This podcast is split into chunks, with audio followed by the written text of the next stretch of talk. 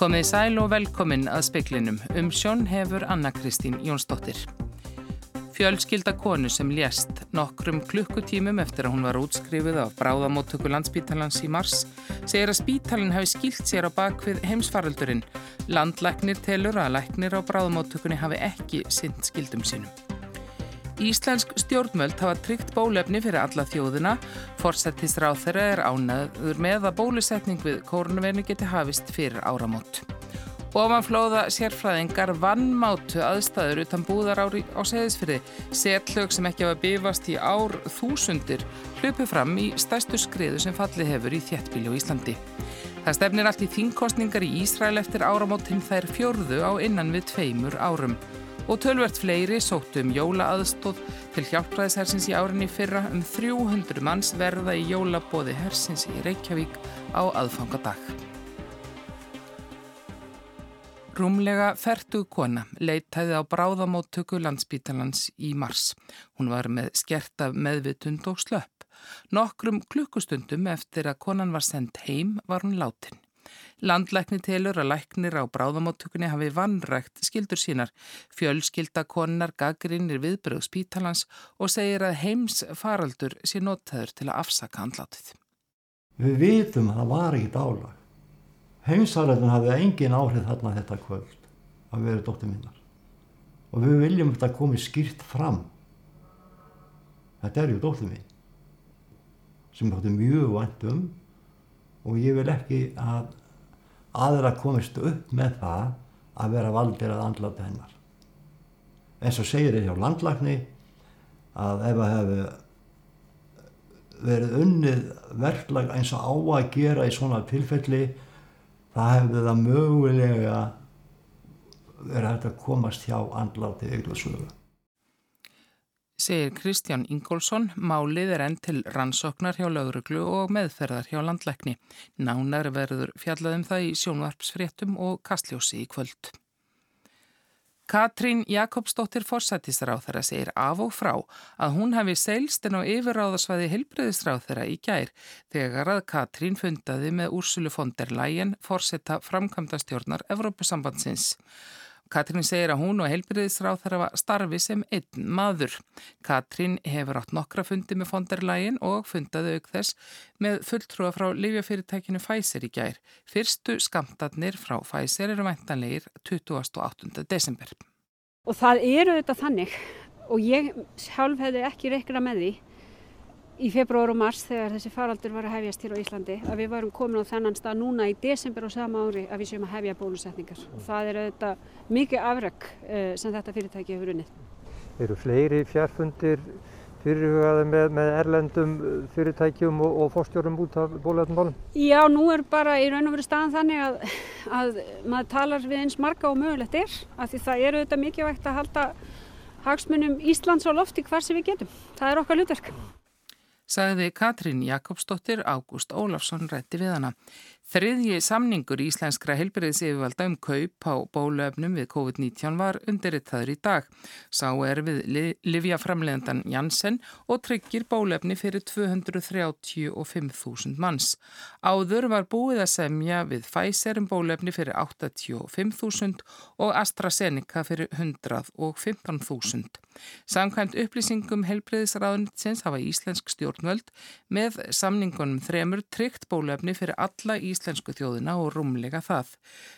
Undirriðt á samning við Livjaframlegandan Moderna á gamlárstak. Sigriður Björk Guðjónsdóttir Ríkislauglustjóri segir að engin raunveruleg hætta hafi falist í hótun sem forsættis ráþæra barst þegar hann var á seðis fyrir hátdeinu með þremur öðrum ráþærum ríkistjórnarinnar. Sigriður Björk segir að ráþærarnir hafi verið teknir afsýðis á meðan staðan var metinn en lauruglega hafi fljótt komist að þeirri niðurstöðu að engin raunveruleg hætta væri á ferðum. Hún segist ekki geta gefið upplýsingar um hvaðan hótunin kom, nýja hvað í henni fólst seg, telja nánar upplýsingar verði gefnar út um það. Aðstofamæður fórsættisráþara sagði fyrir dag að dagskrá ráþarna fjóra sem eru fyrir austan hefði ekki riðlast og allt væri með kyrrum kjörum.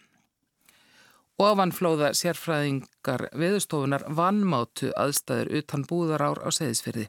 Skriðan sem fjallar er svo stærsta sem fallið hefur í þjettbíl á Íslandi og var öðruvísi en skriðunar sem fjallu fyrr í í síðustu viku. En liggur ekki fyrir hvort hluti íbúa á rýmingarsveðinu fái að snúa heim fyrir jól. Aðstæðir og seyðisferði hafa batnað hratt eftir að rigningu slotaði og það kólnaði í veðri en aftur á móti er gert ráð fyrir því að það hlýni að nýja og aðfanga á jóladag. Sigriður Björk Guðjónsdóttir, ríkislauruglustjóri, lísti aðstæðum svona í dag. Það er semst ágættis veðu núna og sér kallt, gott fyrir fjallið að hafa annan kvölda en hérna síðan á að hlána á aðfangadag og ég veit að það er að valda okkar sérfræðingum áhyggjum. Þannig að þetta við erum bara fylgjast vel með. Það er mikil vinna í gangi við að meta stöðuna og verðum að gefa sem besta spá og hérna, já, koma með sem besta upplýsingar sem hægt er að taka ákvarðanir á. Fundur almannavarna um hvort rétt sé að aflétta rýmingu á einhverjum hlutasvæðisins fyrir jól hófst klukkan 5 og stendur enn. Þegar er ljósta íbúar í efstu húsum á jæðri rýmingarsvæðisins verða annar staður um jólinn. Kristján Ólafur Guðnason, yfirlauruglu þjóttn á Östurlandi, segir að berist ekki tilkynningum annað með kvöldinu, megi reikna með því að öll húsin á svæðinu verði rýmt fram til 27. desember. Stóra skriðan á förstudag kom vísindamönnum á veðustofunni algjörlega óvörum. Í tilkynningu á vef veðustofunar er því sleið förstu að aldrei hafi stærri skriða fallið í þjættbíli á Íslandi. Harpa Grímsdóttir, hópstjóri ofanflóðavöktunar, segir frum aðtuganir sína skriðu sár sem er alltaf 20 metrar á hæð og verðist ná djúft ofan í setlög sem ekki hefur hrunið úr í ár þúsundir. Harpa segir að ofanflóða sérfræðingar viðurstofunar hafi vannmetið aðstæður utan búðarár þar sem skriðan fjall. Tilmælu um rýmingar hafi tekið mið af því. Veðurstofan segir að endurskoða þurfi hættumatt og að vinnu við varnarkosti verði flýtt. Í fyrsta forgangi er að meta hættu á að mjög stór skriða falli úr megin farvegunum þremur í hlýðunum ofan við bæin. Þá er stemt að því að koma upp síritamælum í hlýðunum á næstu dögum. Arnildur Haldanadóttir tók saman. Ísraels þing verður rofið á miðnætti. Landsminn þar horfa fram á þingkostningar að nokkrum mánuðum liðinum þær fjórðu á innan við tveimur árum. Þingið hafnaði því dag að veita stjórnvöldum frest til að ljúka fjárlögum þessa árs.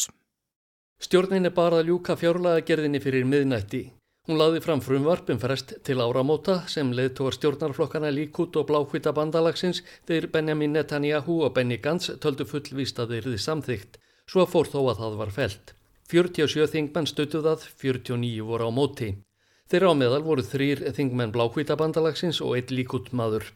Eitt þeirra skrifaði á Twitter að hann væri sáttur við að hafa felt stjórnina. Hún hefði haldið Ísrael í pólitískri gíslingu til þess eins að hanga á völdum. Netanyahu forsætist ráð þeirra tjáði sig einni á Twitter. Hann sakaði blákvítabandalagið um að hafa rofið samkominlag flokkana. Hann hvaðst ekki vilja enn einar kostningarnar en hann gengi til þeirra sigur viss.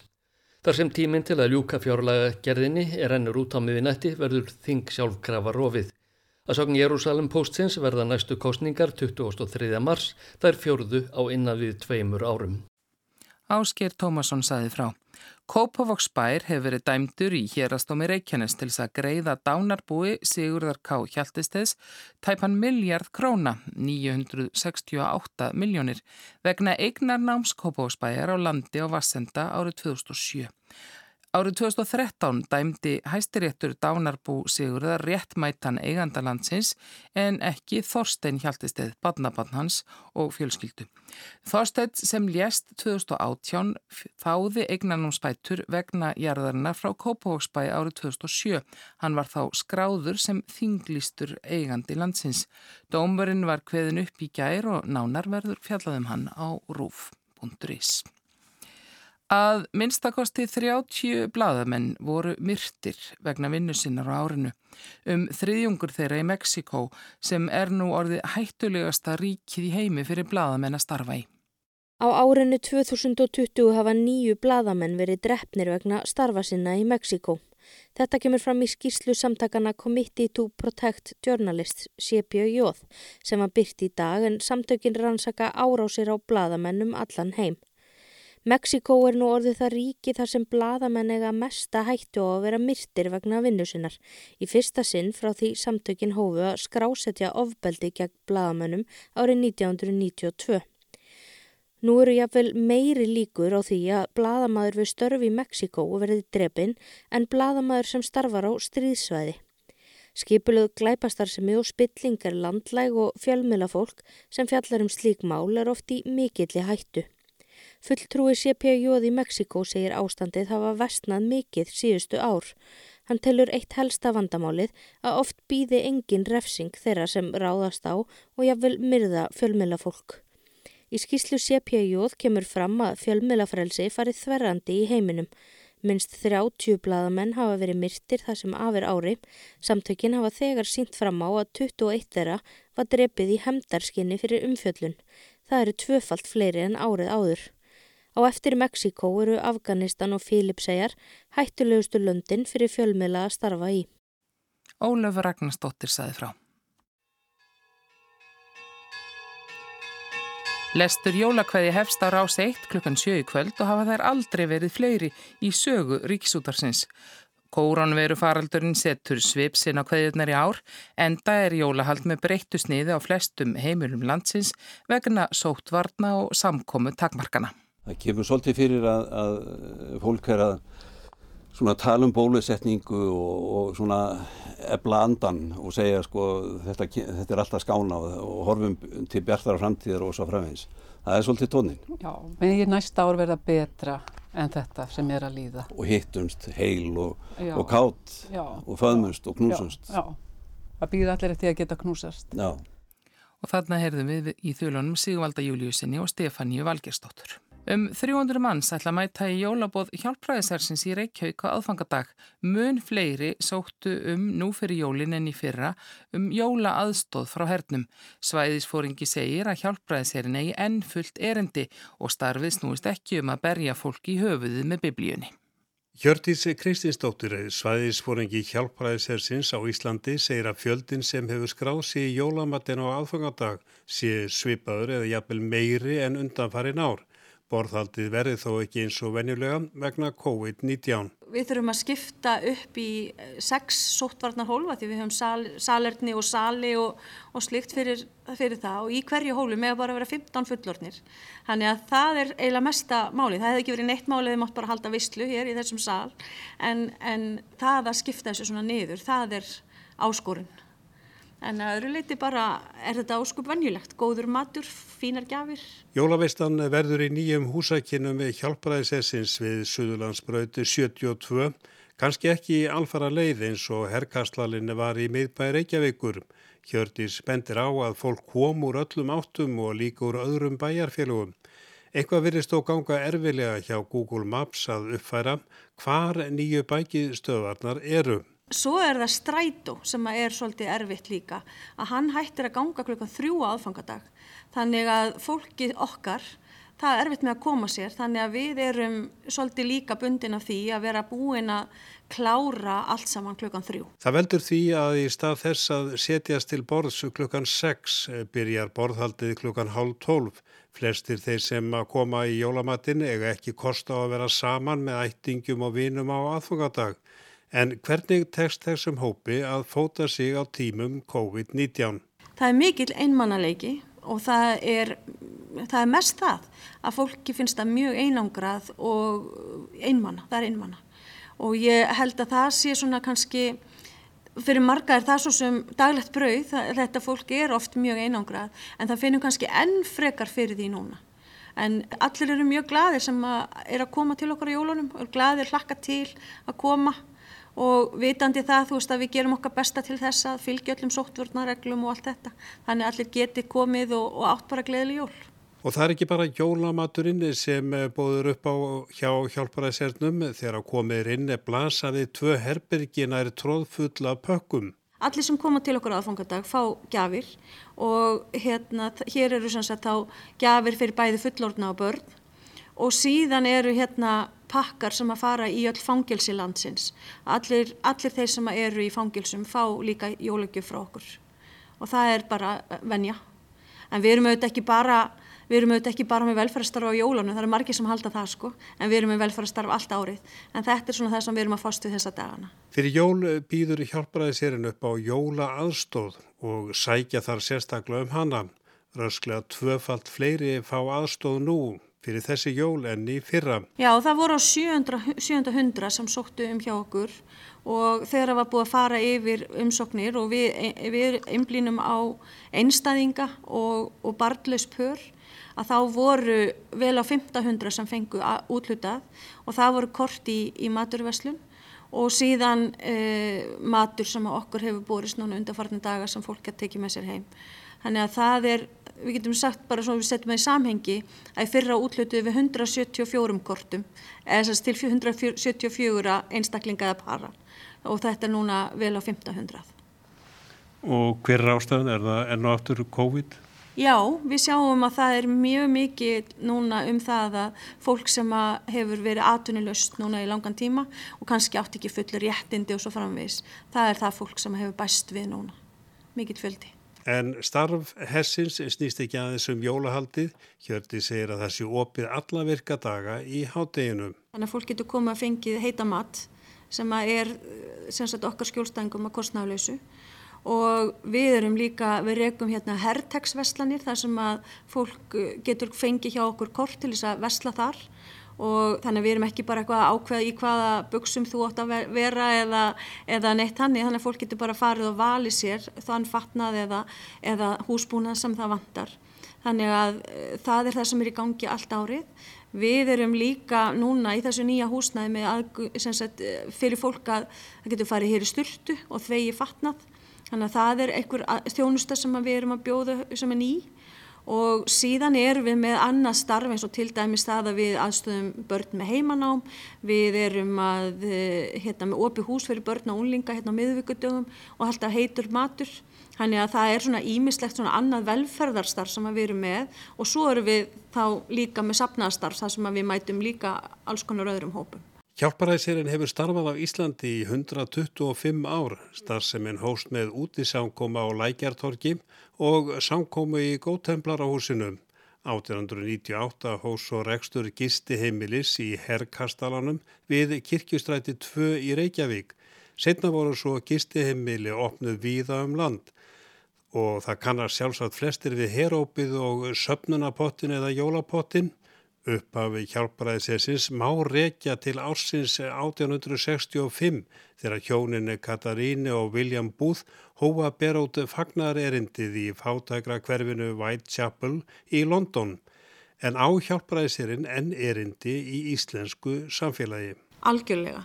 E, mér finnst alveg merkilegt að svo sín sem að William Booth og Catherine Booth settu fyrir hjálpræðsinn eða fengu fyrir hjálpræðsinn árið 1865 að hún á ennþá við. Það er í raun og veru að vera vinur hins vinalösa, að vera til staðar fyrir þá sem eru undirókar í samfélaginu og hérna og svona við segjum að hver er stefnu yfirlýsing hjálpræðsessins, hún er í raun og veru að bóða trú á Jésum Krist og vera sagt, til staðar fyrir þá minna mega sín í samfélaginu vegna þess að það er trúin sem bóður okkur, eða sagt, hvetur okkur til góðra verka. Það er í raun og veru það sem að, að er svona intakið, ef maður getur sagt það sem svo.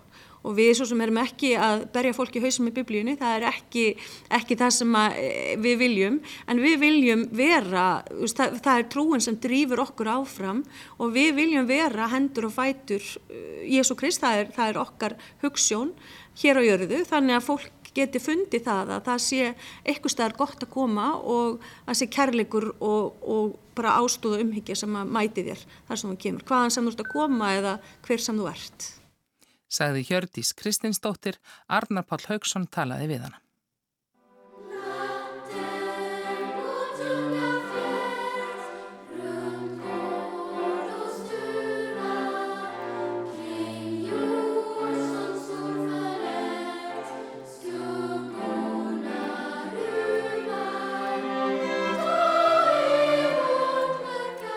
Þetta var brot úr læginu Santa Lucia sem er í hugum margra svíja tengdar í jólunum en nokkuð annað, jafnvel þó að Lucia dagurinn sé liðinn, hann er 13. desember.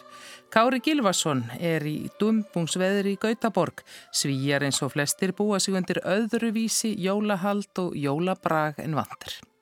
Já, hér er bara rigning og sjöstuði hitti og búið að vera nokkur neginn þannig allt haustið og ofalega, já, og, og, og er ennþá og engin snjór og sem gerir þetta nú kannski ennþá undarlegra ástand, sko, bustið frá, frá, hérna, frá COVID. En hvað það var þar, þá er núna nýverið búið að herða talsverð fyrir áleggingar til fólks, varandi jólahald og, og annað. Nú á fólk að hitta í mestalagi átta og bara einn slíkan hóp, þú mátt ekki hitta aðra fjölskylduna annan daginn og, og svo, móðu fjölskylduna annan daginn og föðu fjölskylduna hinn daginn eitthvað svo leiðis eða flakka melli jólabóðin sem fólk gerir og helst eiginlega ámaður bara að vera með fjölskyldu sinni að þeim sem maður býr með. Þeir sem að verða ferðast, það er mælt með að fólk ferðist í bíl En það eru samt margir sem taka lest langa leiðir eins og, í, eins og við þá, þá fólk kannski ættingja í 500 km fjarlæð og, og tekur þá lest þangað og það var uh, núna nýlega fréttakona sænska ríkisútarsinn sem var á leiðinni bara með fjölskyldu sinni langa leið og, og fekk algjört sjokk yfir því að það var setið í nánast hverju einasta sæti í lestinni og það sem að henni fannst eiginlega verra var að síðan var alltaf verið að senda út í kallkerfinu kvartningu til fólks um að halda fjarlag hvert frá öðru sem var ekki hægt að hennar sögum. Landamærum Svíþjóðar var lokað fyrir komi fólks frá Breitlandi og Danmörku vegna nýsafbriðis á kórnveirinu sem sagti breyðast hraðar út henninn fyrri. Þrátt fyrir að landlæknis ennbætti sænska teldi þetta afbreyð ekki endilega miklu hættulegra. Í þeirri ákvörðun byrtist það sem Kári segir meira áberandi en áður. Stjórnmálamenn eru farnir að hafa sig meira í frammi.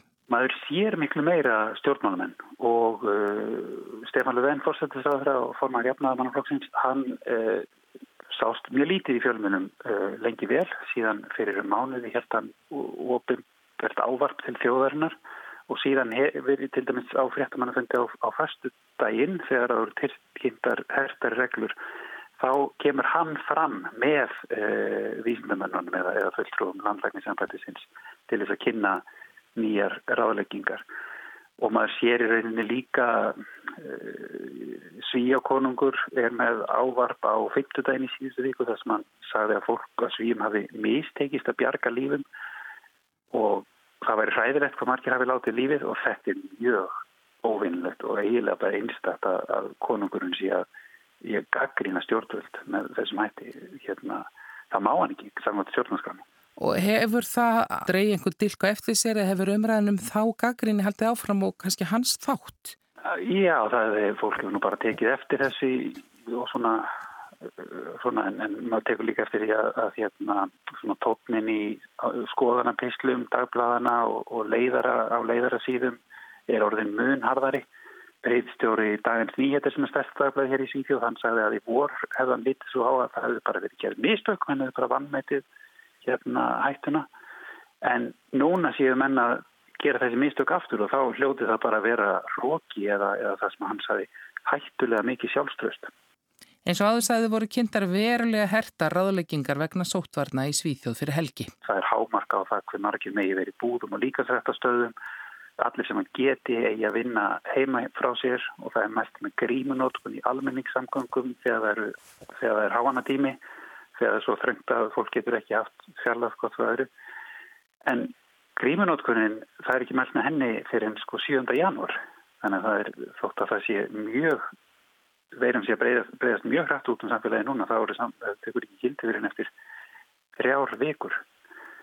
Og svo var núna ekki fyrir enn í lók november sem að það var uh, mælt með því að fólk sendi ekki börn sín í leikskóla eða grunnskóla eða það er sjálft veikt fólk að þess að þeir eru með COVID heima og sett börnin í, í skólan og já, ef ég væri með COVID þá geti kona mín farið að, farið að vinna. Þannig að þessi var ekki breytt fyrir en þá í, í lóknóðundir og þetta stafar eiginlega því að það sem hefur sem helst að slagur svíja í baratunni hefur verið ef þú ert veikur þá skaltu vera heima. Það verður ekki vel með einn trú á það að þeir sem ekki eru með enginni geti smítast og það er svona að, að, að breytast núna Er líka snúið því sangkvæmt sænskum lögum er erfitt að loka starfsemi hjá enga fyrirtækjum. Ríki og sveitarfélög hafa lokað sínum íþrótta, mannverkjum, skauta, höllum og bókasöfnum til dæmis en enga reknar líkamsræktastöðar eru opnar og sama gildir um verslunamiðstöðar. Þá hefur tilmælum um að verslanir haldi ekki útsölur millir jóla og nýjars heldur ekki verið synd. Það er víða fólk á ferli segi Kári þó að komi sér spritt í verslanir, fleiri beri grímur og reyni að halda fjarlægð. Jólaskemtunum hefur verið aflýst og fáir halda stór matabóð. En hvernig verða jólinn í rykningun í Gautaborg? Þau verða, já, þau verða ekki tjöftilega jóli. Heisan og hopsan og fáir allra, på julekvelden skal alle sammen være glad. Hér seng Alf Preussen á sann fleiri músavísu sem geymir hinn norska jólaanda. Það tala nú allir um þetta verðu öðruvísi jól en nokkur sinni fyrr og það eru mikla takmarkanir á samkomum, takmarkanir hver merkin með að koma saman og hér í Óslo er, er merkin tíu manns sem með að vera í sömu veislunni þannig að þetta er, svona, verður allt minna í sníðum heldur en verið hefur og það er bannað að að fara í kvikmyndahús og það er annað að fara í leikhús og þannig að flestu er aflýst sem menn hafa vanist svona í undirbúningi jólana. Hefðin er rofin núna, segir Gísli Kristjánsson í Ósló og næri allt bannað þó menn vonið allt verði breyttað ári. Í Ósló eru strángari kröfur en út um Noreg víða í sóttvörnum og erfiðar að halda upp í hefðbundnu jólahaldi það eru margir sem ætla sér í, í fjallabústaði og það eru ekki ennverið takmarkað að menn geti farið það og svona í einstökum sveitafélagum þá séu menn að reyna að, að skvurta megi takmarka komur fólks vegna þess að já, heilbriðiskerfið á þessu minni stöðum myndi ekki ráða við meiri háttar smitt þannig að það er verið að spá í að, að setja takmarkanir til dæmis á Lillehammersvæðinu. Þar komið upp smitt núna mikið síðustu daga og og þar eru flestir bústaðir af öllum stöðum í landinu og þar verður spáði hvort að verði að lokum að takmarka komur fólks en enn sem komið er hafa slíka takmarkan er ekki verið settar. Í Noregi er verið að byrta áallanir og dagsetningar vegna bólusetningar. Búist er við bóluefni á annan í jólum en minna en menn gerðu sér vonir um.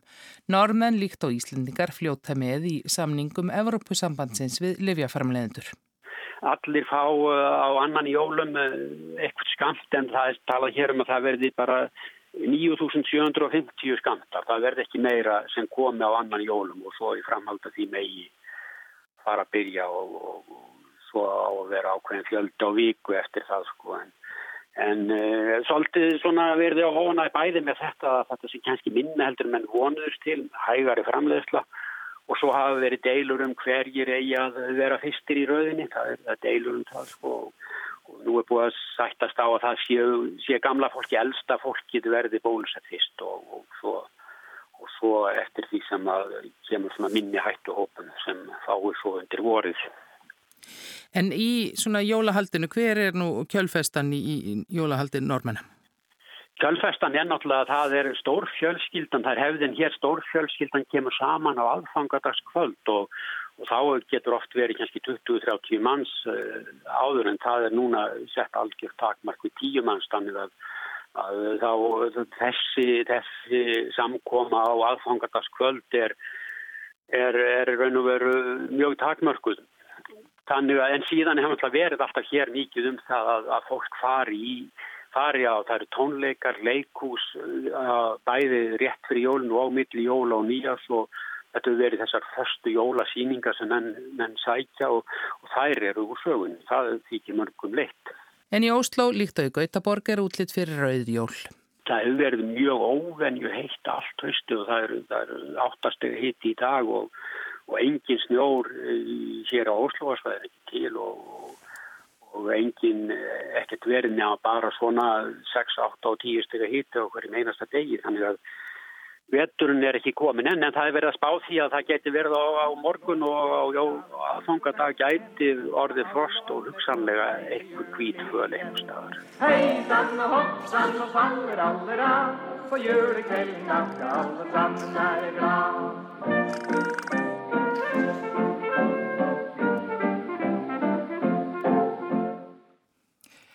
En viðurhorfur hér heim eru þær að það verður fremur hæg, norðarlega átt og bjart með köplum en lítilsattar jél norðaustan til. Vestanátt og jél á vesturlandi í kvöld. Vestlæg átt 5 til 10 á morgun og bjartviðri en stöku jél með norður og söður ströndinni. Frosta tólstegum og kaldast verður í innsveitum fyrir norðan. En á morgun vekja aðteklu því að speilin vikur fyrir jólakveðjumi og kvöldverðin að verða 10 mínútur. En fleiri er ekki í þættinum í kvöld, tæknum er í útsendi útsendingu var Magnús Þorstedt Magnússon veriði sæl.